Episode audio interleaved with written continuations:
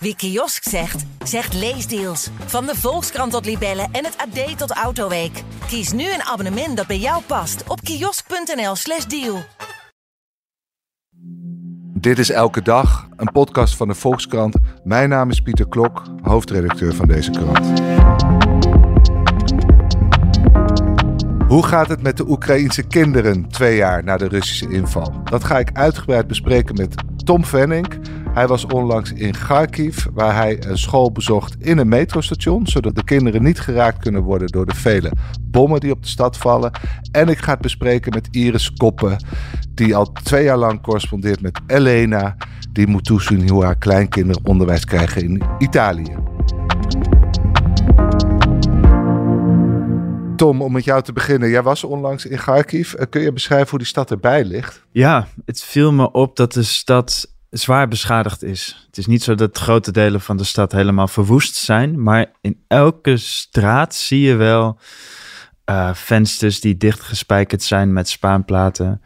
Elke muur heeft beschadigingen opgelopen. Dus in de hele stad zijn uh, in de afgelopen twee jaar raketten ingeslagen, drones ingeslagen. Um, eerder in de oorlog stond de Russische artillerie ook uh, net buiten de stad. Dus de, de, stad is echt hevig beschadigd. En dat laat eigenlijk zien dat je overal geraakt kan worden als inwoner. Ja. Dat het niet geconcentreerd is op bepaalde plekken.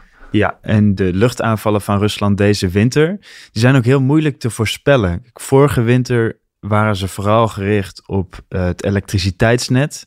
En wist je dat als je in de buurt was van een uh, energiecentrale, dat je gevaar liep. Maar nu uh, komen de raketten en drones overal en nergens terecht. En, en, Rusland gebruikt ook raketten die eigenlijk bedoeld zijn voor luchtdoelen. S-300 raketten die ze een beetje hebben omgebouwd. Maar die zijn helemaal niet bedoeld voor het beschieten van gronddoelen. En zijn niet precies dat zorgt ervoor dat er veel burgerslachtoffers vallen bij de aanvallen. En nog even, eh, is het, je zei al, het vorige winter was wel gericht op energiecentrales, maar het lot van Kharkiv sinds het begin van de inval van Rusland, is dat altijd min of meer hetzelfde geweest? Dat, dat de Rusland gewoon deze stad continu bestoken? Ja, ja het, het probleem van Kharkiv is dat de stad vlak bij de grens ligt. Het is maar 30 kilometer naar Rusland. Dus als Rusland daar een raket lanceert, dan duurt het soms maar 30 seconden voordat die inslaat in de stad. Dat maakt het heel moeilijk ook om het te onderscheppen. Dat maakt het moeilijk om het te onderscheppen. Maakt het, uh, het geeft uh, ook geen tijd om het luchtalarm af te laten gaan. Dus je leeft daar in ja, voortdurende spanning, want je weet dat er ieder moment iets kan inslaan. In, in Kiev en andere steden is dat toch anders. En, en zijn er veel inwoners gevlucht? Welke gevolgen heeft het voor het dagelijks leven? Uh... Ja, aan het begin van de oorlog zijn heel veel mensen gevlucht. Inmiddels zijn veel mensen teruggekeerd. Uh, er wonen weer een miljoen mensen in de stad. Dat is ongeveer 70% van het aantal voor de grote invasie. Er zitten ook veel mensen bij die gevlucht zijn uit, uit dorpen ten noorden van Kharkiv. Dus dicht bij de grens, waar, waar, waar het nog gevaarlijker is. Maar er is wel weer leven in de stad. Dus, de, dus de, nou alles is open. De metro rijdt. Ja, er is wel leven in de stad. Oké, en, en, en er hangt gewoon een normale sfeer. Met terra nou, terrassen niet deze tijd nee, van het jaar. Ik, maar... ik vind wel dat de sfeer daar anders is dan in uh, Kiev bijvoorbeeld. Het is dreigender. Er zijn meer Russische aanvallen daar. Uh, bijna voortdurend geldt het luchtalarm. Dus je hoort het niet de hele tijd. Het gaat vaak één keer af. En dan geldt het voor een bepaalde periode totdat het luchtalarm nog een keer gaat. Maar soms duurt het ontzettend lang, uren voordat het de tweede keer gaat. En de hele tijd weet je dat er gevaar is op een raketinslag of een hmm. drone-inslag. Maakt een heel onzeker bestaan. Ja.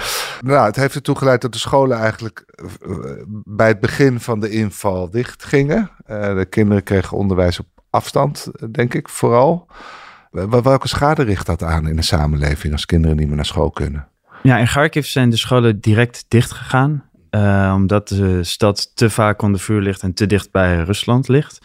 In de rest van het land zijn scholen vaak nog wel open. Uh, een zesde van alle scholen in, uh, in Oekraïne geeft les via internet. En in Kharkiv was dat ook zo tot dit jaar, tot het begin van het schooljaar.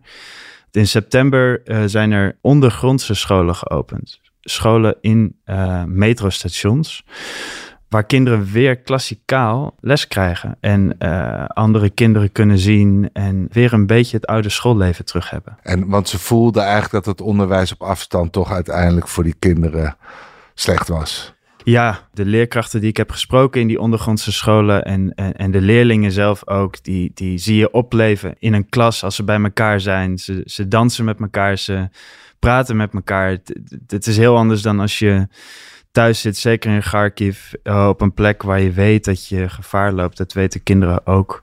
Uh, en onder de grond zijn ze toch veilig. Het voelt gewoon veilig en, en, en vrij. Ja. En, en hoe moeten we het concreet voor ons zien? Zijn de perrons dan omgebouwd? Of waar, waar, waar, waar brengen die klassen überhaupt onder? In gangen van de metro. De metro van uh, Kharkiv is, uh, is vrij groot. Ze hebben grote stations met, met tunnels. Uh, en in die tunnels zijn er scheidingswanden ehm, neergezet, waardoor je dus lokalen hebt voor twintig kinderen.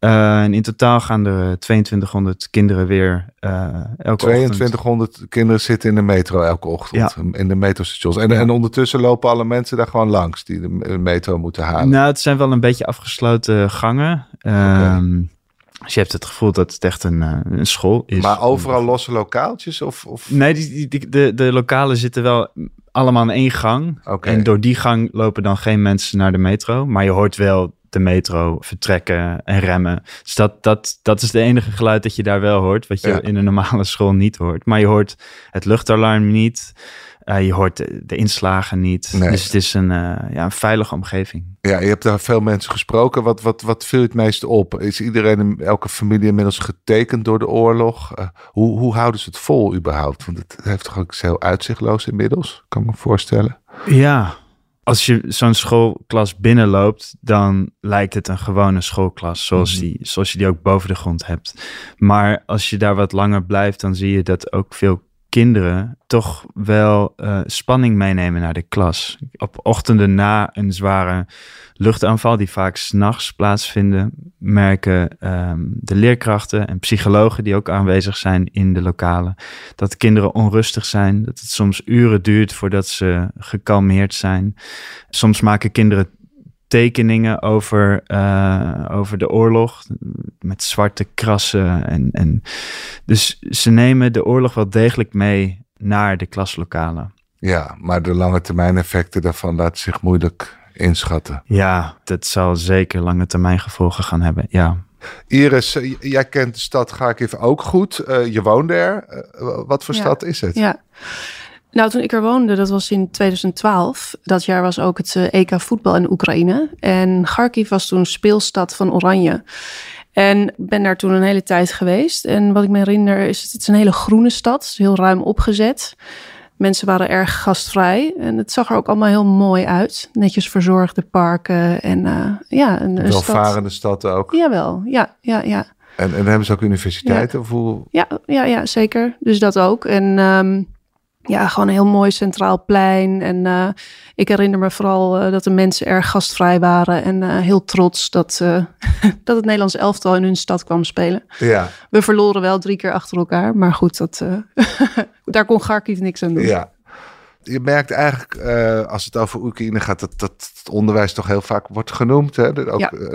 Oekraïnse kinderen die zijn gevlucht, die krijgen ook vaak nog een deel van de week onderwijs in het Oekraïens om te zorgen dat ze de taal blijven beheersen. Ja. De grootmoeder die jij volgt, Elena, mm -hmm. en haar kleinkinderen, daar speelt het eigenlijk ook uh, continu een rol. Hè? Want die kleinkinderen die wonen nu in Italië en volgen daar onderwijs ja. en, en, spreken inmiddels ongetwijfeld vloeiend Italiaans. Ja. Maar ik denk dat Elena het ook belangrijk vindt dat ze Oekraïens blijven. Absoluut, absoluut. Ja, wat je ziet is, um, zij zijn inderdaad naar, de kleinkinderen zijn naar Italië gevlucht na de grootschalige invasie, maar ze zijn eigenlijk direct ingestroomd op een uh, Italiaanse basisschool. Draaien daar helemaal mee. Maar wat ze nu ook al bijna twee jaar doen, is dat ze na elke reguliere schooldag in Italië uh, ook het Oekraïense lesprogramma nog volgen. En dus, doen ze dat uh, zelf of maken ze dan contact nee, met dus, een Oekraïense school? Nou, dat gaat via hun oude school in, in Kiev. Uh, dus je moet je voorstellen, ze gaan overdag gewoon naar de Italiaanse school. Zijn ze om een uur of drie komen ze dan uh, thuis. En dan begint geloof ik om half vier het Oekraïense lesprogramma. En dat wordt georganiseerd dus uh, door een oude school in Kiev... die speciaal voor gevluchte kinderen dit op deze manier heeft opgezet. Maar dat gaat dan via um, Zoom of zo? Het gaat via, via Zoom inderdaad. Uh, het is online onderwijs en ze krijgen dan... ze zien wel af en toe een juf, maar ze krijgen online opdrachten... En op die manier uh, ja, hopen de ouders van uh, Katja en Xusha dat ze niet achterop raken. Ja. Dus want uiteindelijk, uh, wat je ziet bij veel Oekraïnse kinderen die uh, naar het buitenland gevlucht zijn, het doel is uiteindelijk natuurlijk om toch terug te keren naar Oekraïne. En wat wil je dan niet als ouders? Dat je kind een enorme achterstand heeft op school. Ja.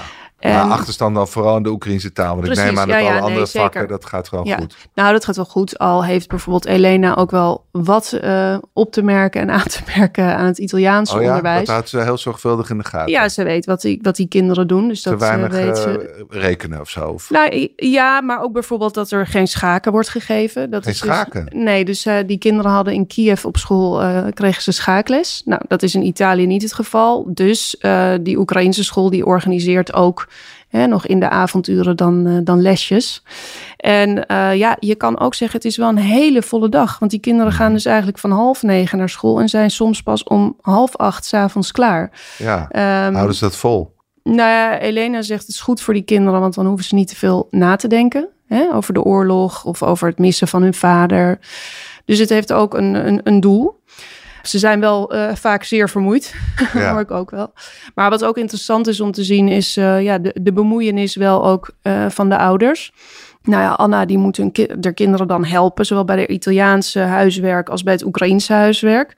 Maar ook Elena vanuit Kiev ehm, helpt met taalkundige ehm, ja, vraagstukken. En ik weet zelfs dat Max, hun vader, een keer vanuit Kramatorsk heeft gevideobeld omdat er een bepaalde som waar ze niet uitkwamen, eh, die moest hij uitleggen. Dus zo zie je dat ze allemaal heel betrokken zijn en ook echt willen dat die kinderen eh, goed presteren en hun talenten uiteindelijk toch kunnen ontplooien, ondanks de oorlog. Ja, en het perspectief is nog steeds dat het op enig moment.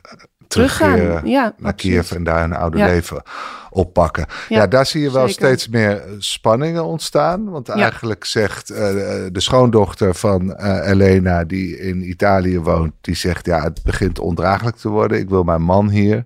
Ook voor de kinderen die niet eh, zonder vader kunnen. Dus die eh, ja, fantaseren in wezen over vluchtplannen. Eh, Ja. eh, eh, en. Elena is daar vrij duidelijk in. Het gaat niet gebeuren. Max moet hier blijven om uiteindelijk zijn land te kunnen verdedigen.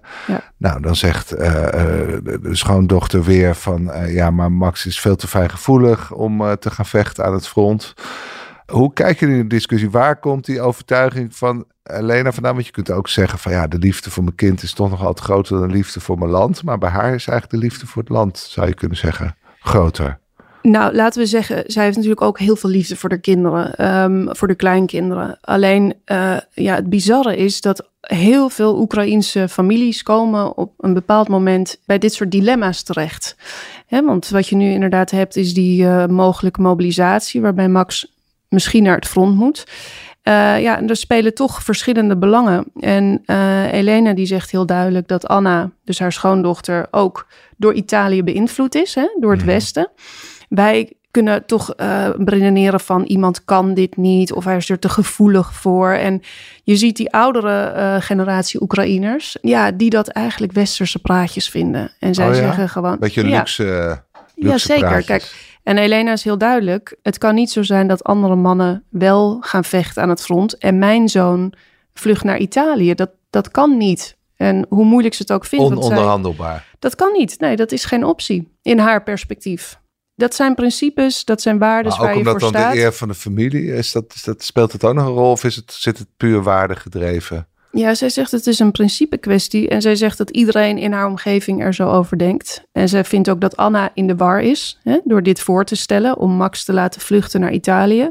Ze schaamt zich er ook voor. Maar Anna heeft die sociale, want er is dus ook wel sprake van enige sociale druk onder Oekraïners. Absoluut. Ja, nee. Ze, kijk, het, je bent natuurlijk toch een lafaard als je als man het land verlaat. Ik bedoel, Ja. het gebeurt. Het is een relatief kleine groep.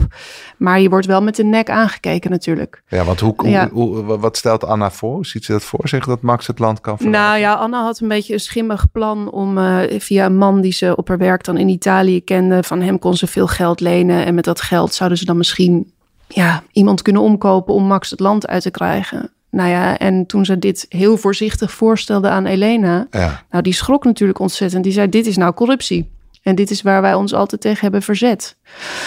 ja daar Eh, heeft ze op zich wel een Daar punt. heeft ze een punt. En, ehm, maar goed, het is, het is interessant. Ik heb deze week ook eh, ja, veel lezersreacties gekregen van mensen die ja, ook echt meeleven met dit dilemma. En er is natuurlijk voor beide kanten iets te zeggen. Ja. Eh, want ja, de, de kinderen zijn ook heel belangrijk. Mhm. Ja, die missen straks misschien hun vader. Of hun vader raakt zeer getraumatiseerd aan het front. Maar goed, we kunnen, ja, als iedereen dit zou doen, dan is er straks geen Oekraïne meer, zegt Elena. Ja, en, en, de, en de omgekeerde Ja. route? Toch Ja. weer in Kiev gaan wonen voor Anna en de kinderen? Nou, daar denken ze soms over, maar eh, ja, het, het, het is gewoon redelijk gevaarlijk. En ze, zij zien ook van, het, het is voor die kinderen ook traumatisch om elke keer die schuilkelder in te gaan, eh, die, ja, die bommen te horen inslaan. Ja, dus dat heeft gewoon hun voorkeur Maar het niet. is continu Ja. kiezen tussen twee. En ik denk dat eh, wat ik nu zeg maar na twee jaar oorlog ook steeds meer zie, is wij hebben de vrijheid om niet te het met dit soort dilemma's bezig te zijn. En je ziet elke keer weer in die oorlog komt er weer een volgend dilemma. En het zijn zulke grote vraagstukken. En het gaat ook over waardes, principes, eh, maar ook over ja, wat, wat durf je wel, wat durf je niet. Ja, dat maakt het toch wel ehm, heel hartverscheurend soms. Ja, maar het wordt Ja. erger. Hoe langer vluchtelingen hier zitten, vooral vrouwen Ja. met kinderen, hoe, hoe, eh, ja, hoe naarder de dilemma's worden eigenlijk. En, Zeker. En kijk, het, is, het zou kunnen dat bij deze mobilisatieronde dan Max nog niet opgeroepen wordt. Maar ja, dan is het waarschijnlijk de volgende ronde. Maar hoe is eh, Max Ja. eronder? Je hebt wel in het verleden verteld dat hij het heel moeilijk had. Dat hij ook wel bang was eh, dat- ze in Italië een heel leuk leven gaan opbouwen. En eh, wie Ja. weet wel een Italiaanse man op een gegeven moment eh, vandoor gaat. Ja, Eh, hoe, hoe is hij nu? Dat is interessant, want hij zwijgt vooral. Oh, Want de kleinkinderen zijn nu net eh 2,5 week in Kiev geweest. Nou, dat was vooral veel tijd doorbrengen met hun vader. Hè, wat veel Oekraïnse kinderen doen als ze teruggaan. Leuke dingen doen met hun vader. Proberen naar de dierentuin, hè, als het niet vaak het luchtalarm gaat. Maar je ziet ook dat hij zich houdt zich heel erg aan de oppervlakte. Eh, hij spreekt zich hier niet over uit. En ik weet wel via Elena dat als hij wordt opgeroepen om naar het front te gaan, dan zal hij gaan. Dat- maar terwijl hij het helemaal niet Ja. ziet zitten. Want hij was ooit een groothandelaar in, in zeep. Dat wordt Ja. ook altijd eh, Ja. om te onderstrepen dat het zo'n fijngevoelige man is. Ja, hij had een eigen bedrijfje, zelfgemaakte zeep uit eh, Belarus. Nou ja, dat, ja, ze doen nu geen zaken meer met de Belarussen, want dat zijn ook hun vijanden geworden. Dus ja, eh, maar ja, goed, dat deed hij voor de oorlog. En ehm, ja, daar, daar zegt Anna ook van, van hieraan zie je dat hij niet eh, zal overleven aan het front, zeg maar. Ja, Met, het, eh, met de geur maar van eh, doden. en Elena heeft meer, meer vertrouwen dat hij daar een nuttige rol kan vervullen. Nou ja, nogmaals, zij heeft een ander perspectief van denken. Een man kan sowieso altijd vechten of hij moet het doen. Want zo, zo moet het gaan. En eh, dit is, ja, als, Ja. als mannen niet gaan, dan eh, is het dadelijk het einde van Oekraïne. En dat kunnen ze natuurlijk niet laten gebeuren. Ja, wij vinden er Ja. wel wat van, hè? Dat die man... Nou ja, het is soort- interessant, want ook hier in het Westen, ik bedoel, een man moet huilen en mag emoties hebben. En dat Mhm. is iets wat ook in Oekraïne, zeker bij die wat oudere garde, daar is dat nog helemaal niet zo doorgedrongen. Dus een man is altijd sterk, eh, die kan vechten, die zal niet snel zijn emoties tonen. Ja, Dus dat is toch anders hier. ja, medelijden met Ja. de Oekraïense man. Ja, Ik mis dat, soms wel ja, eens, dat deze vorm van eh, begrijp ik. ongelijkheid, nou ja, Ja. Dat, dat er zo weinig protest tegen is. Maar, eh, want hij, hij, hij- wat Ja. doet hij eigenlijk nu in Kiev, Max? Nou, hij werkt dus voor het leger, eh, dus hij doet al veel dingen. eh, Plus, maar eh, dat is... wat, wat voor dingen, dat weten we Nou, niet. jawel, hij werkt in de logistiek van de wapens. Dus hij, eh, kijk, ik, ik weet niet exact waar hij altijd in Oekraïne zit, maar hij eh, eh, maakt wapens schoon. hij zorgt voor onderdelen, hij verzamelt onderdelen. Ja, En zijn moeder zorgde een beetje voor hem. Want Ja. toen Elena in, in Budapest Ja. woonde, was het eigenlijk nog veel erger. hè. Toen eh, Bleek ook dat hij het moeilijk vond om eh, Ja. zijn huishouden goed te laten draaien. Maar dat gaat Ja. nu allemaal, hij wordt, er wordt goed voor hem gezorgd. Nou, wat, wat ook wel vreemd is, dat hij dus nu eigenlijk weer met zijn moeder in huis woont. Want zijn vrouw en dochters zijn, eh, zitten in Italië. En Elena is teruggegaan om hem eigenlijk te helpen. Dus zij eh, doet de was, maakt het huis schoon, kookt voor hem. En dat zie je wel meer, dat Oekraïnse en- vrouwen teruggaan om... En haar vriend, man, die in Hongarije zit, die Ja. moet ze dan op afstand een beetje... Ja, nou, Akos, haar, haar Hongaarse man, eh, die haar dus geholpen heeft nadat ze gevlucht is, die, die zit nog in Boedapest. Het idee is dat hij op een gegeven moment toch ook naar Kiev komt. Oké. Maar goed, eh, het is even kijken of het op een gegeven moment minder En- wordt met de bombardementen. Eh, Ja. Kun jij inschatten hoe representatief dit verhaal is? Is het zo dat alle Oekraïense vluchtelingen op de een of andere manier met dit dilemma kampen? Want uiteindelijk gaat het erom, ja, hoe, Ja. hoe gaan we verder? Ja. Het, we hadden de hoop dat die oorlog iets tijdelijks was. Of althans, niet al te lang zou duren. Nou, inmiddels begint Ja. het toch op te lijken dat het heel lang gaat duren. Ja, nou kijk, wat je ziet is dat al die families hebben met dezelfde thema's te maken. Dus eh, met het missen van de vader, het onderhouden van het huwelijk. Dat gaat ook gewoon vaak mis, want er zijn ook echtscheidingen. Eh, of mensen komen in het land waar ze gevlucht, naartoe gevlucht zijn, eh, een nieuwe partner tegen. En dan is er inderdaad nog de keus van, oké, je wordt opgeroepen. Ga je dan ook of probeer je er onderuit te komen? Iedereen heeft hiermee te maken. Mhm. En iedereen vult het op, een, ja, op zijn eigen manier in. Maar het, het, ja, het toegeven aan dat je naar het front moet, dat, dat doen de meesten toch wel uiteindelijk. De groep die vlucht is uiteindelijk relatief toch klein. Ja, want wat heb je dan voor perspectief? Dan kun je waarschijnlijk nooit meer terugkomen in Oekraïne. Worden we de rest van je leven als een verrader gezien. Ja, dat, dat is een beetje het gevolg. En eh, ja, het, een ander gevolg is dat je misschien wel een leven kan opbouwen in een eh, EU-land. Ja, Ja, best wel dus, Leuk, ja. maar zie je nog Ja. meer eh, eh, dat Anna eigenlijk aan het veranderen is door haar leven in een westers land? Zeker. Komt dat nog op meer terreinen? Veroorzaakt dat meer Ja. spanning? Ja, wat interessant is, is dat eh, eh, zij nu ook vaker heeft over eh, of de kinderen niet overbelast zijn. Hè, omdat ze dubbel onderwijs volgen, zowel Italiaanse school als Oekraïnse school nog s'avonds online. En dat er meer wordt gekeken naar de gevoelskant. En in Oekraïne gaat het veel meer om prestatie, doelen halen. En dat is denk ik iets westers. Dus je ziet dat Anna ook aan het verwest, ja, langzaam een beetje verwestert. Ja. En Elena vindt het allemaal Ja. maar emotioneel gedoe. Ja, die, nou ja, die is dat gewoon. Zij zijn, als je dat niet gewend bent en je hebt gewoon geleerd om eh, ja, voor bepaalde waarden te staan, dan, dan begrijp je dat niet. Nee. Zij begrijpt niet mannen die zeggen: Ik kan het niet aan om aan het front te vechten. Dat, dat begrijpt zij niet. Ja. Terwijl ze verder zo'n heel Ja. empathisch ja, ze is warme... wel heel empathisch en warm. Ja, dat klopt. Ja. Ja. Goed, nou, eh, blijf het voor ons volgen. Dank Iris en dank Tom voor jullie aangrijpende verhalen. En u luisteraar, dank voor het luisteren. De Volkskrant Elke Dag wordt gemaakt door Lotte Grimbergen, Rinky Bartels, Julia van Alem, Corinne van Duin, Jasper Veenstra en Nathalie Denis. En wilt u de Volkskrant steunen? Neem dan een abonnement. Dat kan nu voordelig via volkskrant.nl slash podcastactie. Want deze podcast is gratis, maar onze journalistiek is dat niet. Morgen zijn we er weer. Tot dan. Wie kiosk zegt, zegt leesdeals. Van de Volkskrant tot Libellen en het AD tot Autoweek. Kies nu een abonnement dat bij jou past op kiosk.nl/slash deal.